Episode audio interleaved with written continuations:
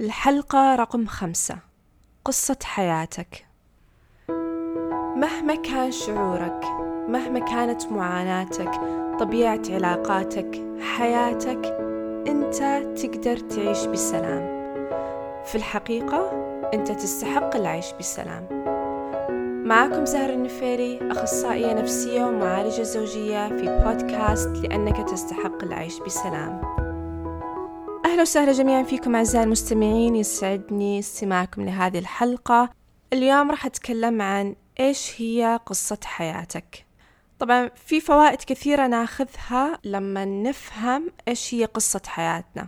قصة حياة الإنسان سبحان الله يكون فيها تدرج نفس الرواية لما نقرأها. تكون منطقية لما نقرأها من البداية. نفهم أن أوه هو سوى كذا لأنه صار له كذا. أو هي تشعر بهذه الطريقة لأنها مرت في الشيء الفلاني. فنفس الشيء بالنسبة لقصة حياتنا.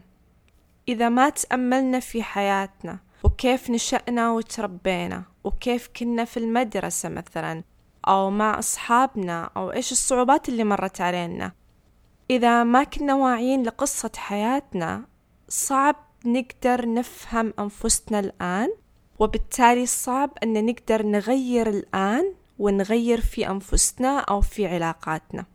عدم الوعي التام بأنفسنا راح يخلينا نتصرف بطريقة عشوائية. تبدأ المشاعر تسيرنا وأفكارنا تسيرنا.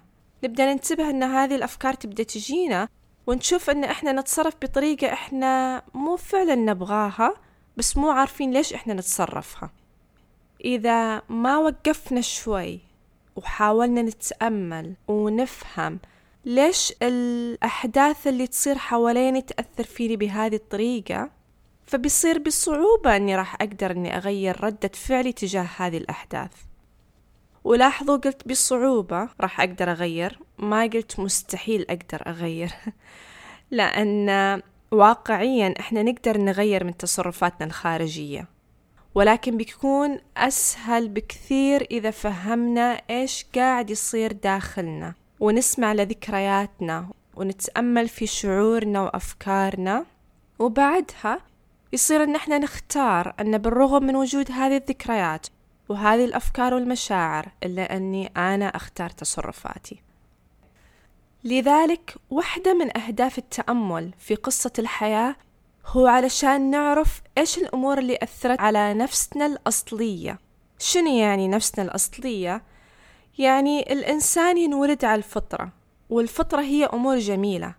يعني الإنسان ينولد على مثلا حب التعلم والفضول وحب التطور وحب الخير للآخرين والتعاطف مع الآخرين.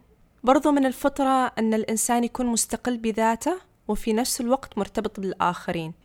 مهم أنه يكون له حياته ويحب يعتمد على نفسه وأيضا مهم أن تكون له علاقاته الوطيدة مع أهله وعائلته والناس حوله. هذا كله نفسنا الأصلية والفطرة اللي نولدنا عليها. لما تجي صدمات عاطفية أو نفسية أو نمر في موقف صعب سواء فقد أو هجران أو عدم اهتمام مثلا من الأهل أو تنمر من الزملاء أو لما مثلا نتربى أن الاستكشاف شيء خطير ولازم ما نكون فضوليين أو نشوف مثلا أمنا وأبونا كل واحد نايم في غرفة أو لما يكون في تفرقة في المعاملة بيننا وبين أخواننا كل هذه القصص اللي ممكن نمر فيها تغير من الفطرة الأصلية حقتنا وتخلينا نتصرف بتصرفات مش بالضرورة نفضلها أو نختارها لأنفسنا فنشوف نفسنا نتصرف بطريقة إيش؟ العكس عكس الفطرة.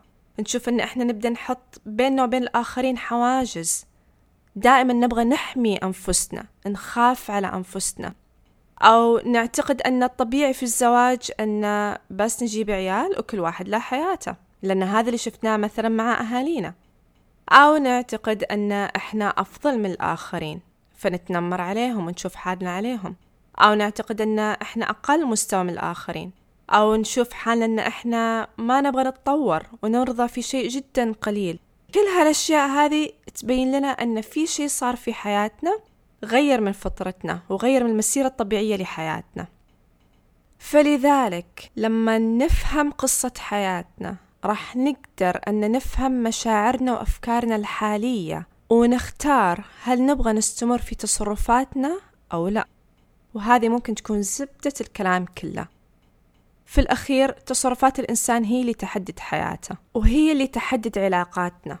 فنبغى نكون واعيين لجميع الأمور اللي تأثر علينا. في الحلقات الماضية تكلمت عن الأفكار والمشاعر تكلمت عن التعاطف تكلمت عن المعتقدات اللي ممكن تكون داخلنا. وفي هذه الحلقة أبغى أخليها تكون بشكل أشمل وهي قصة الحياة بشكل عام. طيب نجي لكيف نفهم قصة حياتنا؟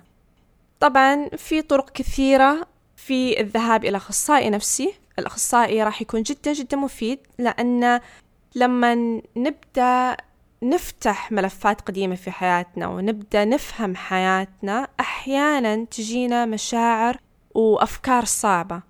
فوجود الأخصائي النفسي معك راح يساعدك أن تتعامل مع هذه الذكريات الصعبة والمشاعر والأفكار الصعبة.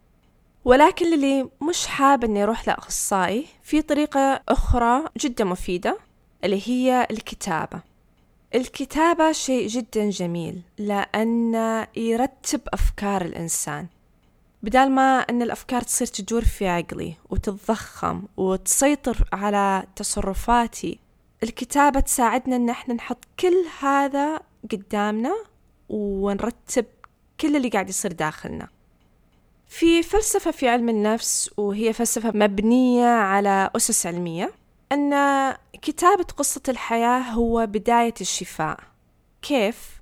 لأنك وأنت تكتب عن حياتك عن القصة المؤلمة واللي كنت فيها تحس بعدم الأمان مثلا. راح تكتب عن هذه القصة وأنت في وضع آمن في بيتك وفي غرفتك. وهذا مختلف عن الوضع الغير آمن اللي أنت كنت فيه في القصة فلما نفهم قصتنا بهذه الطريقة ونشوف كيف هذاك الوضع الغير آمن خلانا نتصرف بالطريقة اللي نتصرفها الآن راح نحس أن أنا ما أحتاج لجميع الطرق اللي أستخدمها الآن لحماية نفسي مثلا لأن اللي حصل كان ماضي وأنا قاعد أكتب عنه الآن والآن أنا في وضع آمن مختلف أوكي؟ بشكل عام في ناس تفضل أن يكتبون قصتهم من هم صغار من البداية. شو اللي حصل في حياتنا؟ كيف أثرت علينا حياتنا؟ وفي ناس يكون عندهم حدث معين يعرفون أنه هو مأثر عليهم ويبغون يركزون عليه. اختاروا اللي يريحكم النقاط اللي بيكون كويس تركزون عليها وقت الكتابة هي كالتالي. في ثلاث نقاط. النقطة الأولى مين أنا الآن؟ لو في أحد بيطالعني إيش راح يشوفني أني أنا قاعدة أتصرف؟ بأي طريقة؟ إيش هي تصرفاتي؟ وأيضا إيش اللي قاعد أمر فيه بداخلي؟ إيش الذكريات والأفكار والمشاعر اللي دائما تجيني الآن؟ إيش هي معاناتي الآن؟ هل في عندي مشكلة معينة مثلا؟ بعدها بيصير أن نتكلم عن النقطة الثانية اللي هي مين أنا في الماضي. إيش الأمور اللي مريت فيها في حياتي؟ كيف أهلي عاملوني؟ كيف أصحابي كانوا؟ كيف مدرستي كانت؟ المدرسين كيف عاملوني؟ الناس اللي في الشارع؟ هل في مواقف مأثرة فيني سواء بالسلبية أو بالإيجابية؟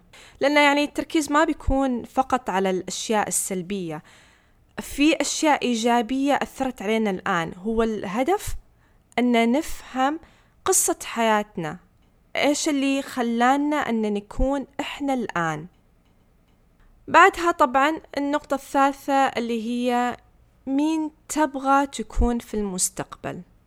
إيش الأمور اللي تبغى تحافظ عليها؟ وإيش الأمور اللي تبغى تغيرها؟ سواء في تصرفاتك أسلوبك أو حياتك أو علاقاتك. وزي ما قلت من قبل أنه تقدر تختار أنك تفكر في حياتك بشكل عام أو تفكر في جانب واحد فقط من حياتك وتشوف كيف كانت بداية القصة فيه وكيف الآن وكيف تبغاها تكون في المستقبل. وبكذا أكون أن أنهيت حلقة اليوم.